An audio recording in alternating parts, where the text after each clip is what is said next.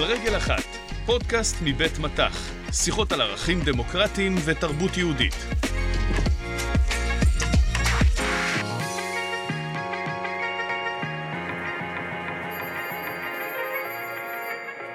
תקשיבי, זה היה נורא.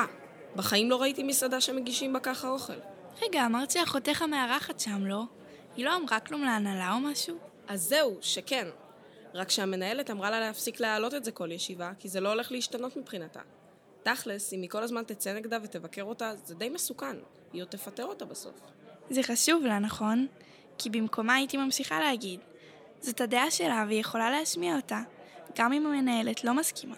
והמנהלת, כאילו, יכולה לא לקבל את הדעה שלה, אבל להגיד לה לא לומר אותה, זה לא סבבה. כן, זה סוג של השתקה. בדיוק. כן, רק מה אם היא תפטר אותה?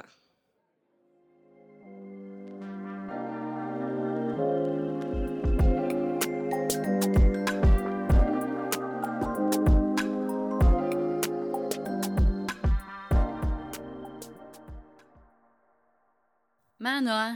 המקרה עם אחות שלך מטריד אותך? כן, אני פשוט לא הכי בטוחה. בכל מקרה מותר לאחותי להגיד מה היא חושבת? גם אם אמרו לה להפסיק? אולי בעבודה זה קצת אחרת. אני כבר אמרתי מה אני חושבת, שכן, גם אם זה מקום עבודה. זו שאלה רצינית. האם להמשיך להגיד משהו שההנהלה מתנגדת אליו? זה אפילו יכול לסכן את המשרה של אחותך. אני מסכימה איתך שזה מטריד. ממה שאת אמרת לה, נקודת המוצא שלך היא שקודם כל, לבני אדם יש את הזכות לחופש הביטוי. זאת אומרת, החופש להשמיע דעות וגם לשמוע דעות של אחרים. זו זכות שיש לכל אדם שחי במדינה דמוקרטית, ואת זה כדאי לדעת ולזכור.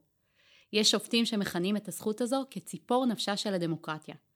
והיא כוללת גם את הזכות לכתוב ולקרוא ספרים, לצלם, להמחיז מחזות, לכתוב עיתונים ולהפיצם, לכתוב ולשתף ברשתות חברתיות, ועוד המון תתי זכויות כאלה. כמו למשל, הזכות להפגין. אוקיי, אז זה אומר שאחותי יכולה להשמיע ביקורת במקום העבודה שלה. כל עוד זה נעשה בצורה מכובדת, אז בהחלט.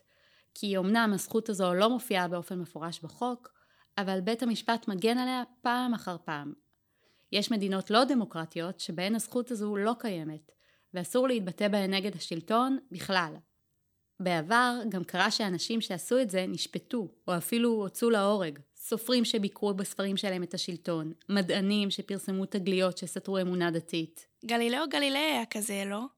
למדנו שהוא ביסס את התגלית שכדור הארץ סובב סביב השמש, ואז הכנסייה האשימה אותו שהוא כופר, והוא נשפט בגלל זה. זו דוגמה מצוינת לפגיעה בחופש הביטוי. אפילו היום יש מדינות שבהם עיתונאים נעצרים בגלל שהם מביעים ביקורת על המשטר. קצת סטיתי מהשאלה שפתחתי את הנועה, אבל לפני שאענה, אני רוצה לשאול גם אותך משהו. למה לדעתך חשוב לשמור על חופש הביטוי? אמ, כדי שאוכל להביע את עצמי, וגם כדי להיות נאמנה לדעות שלי ולא להסתיר אותן, ושאוכל לשנות דברים, כמו איך מגישים את האוכל במסעדה. ונראה לי שאפילו כדי שנוכל לעשות את השיחה הזאת.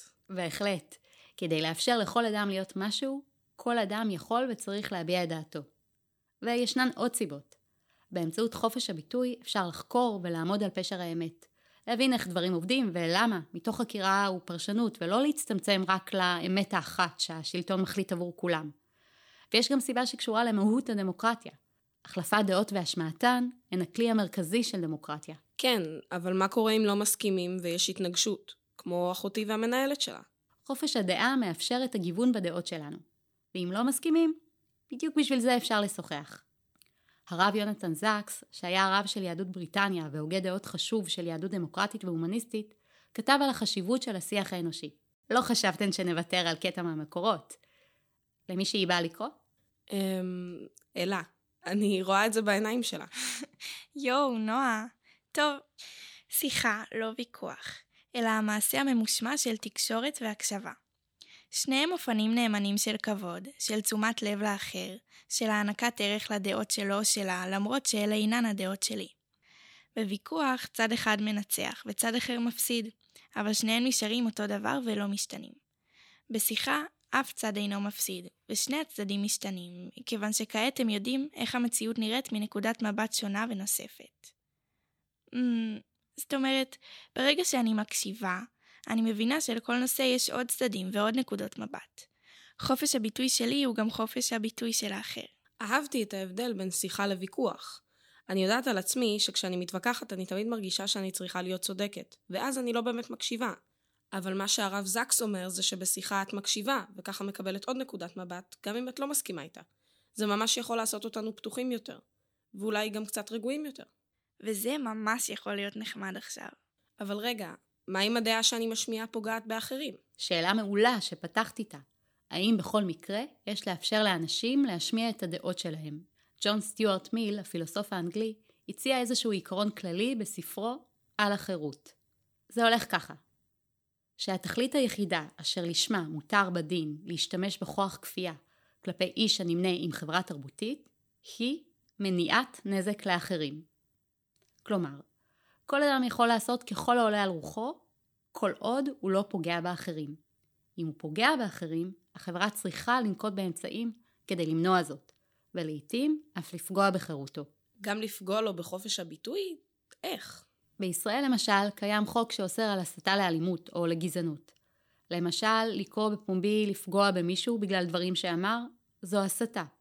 החוק הזה אמנם פוגע בחופש הביטוי של האזרחים, אבל רק כדי להגן עליהם מפגיעה שיכולה לקרות בעקבות הסתה כזו. יש גם את חוק לשון הרע, שמקורו במסורת היהודית. החוקים האלה חלים בתנאים מסוימים, ולכן נבחנים באופן מוקפד. מודה שזה מסדר לי קצת דברים בראש. שמחתי שיכולנו קצת לשוחח ולהחליף דעות. על רגל אחת. היי hey, איילת, מה קורה? אני סבבה. תקשיבי, איילת, אה, נכון סיפרת אתמול על השיחה שהייתה לך עם הבוסית? אז כאילו, אני יודעת שזה שלך והכל, אבל חשבתי על זה, ולדעתי כדאי שתגידי לה שוב מה. תודה רבה שהאזנתם לנו, מקווים שנהנתם. אני איריס סבן. לשיחות נוספות, חפשו אותנו באפליקציית הפודקאסטים המועדפת עליכם, או באתר אופק מבית מטח.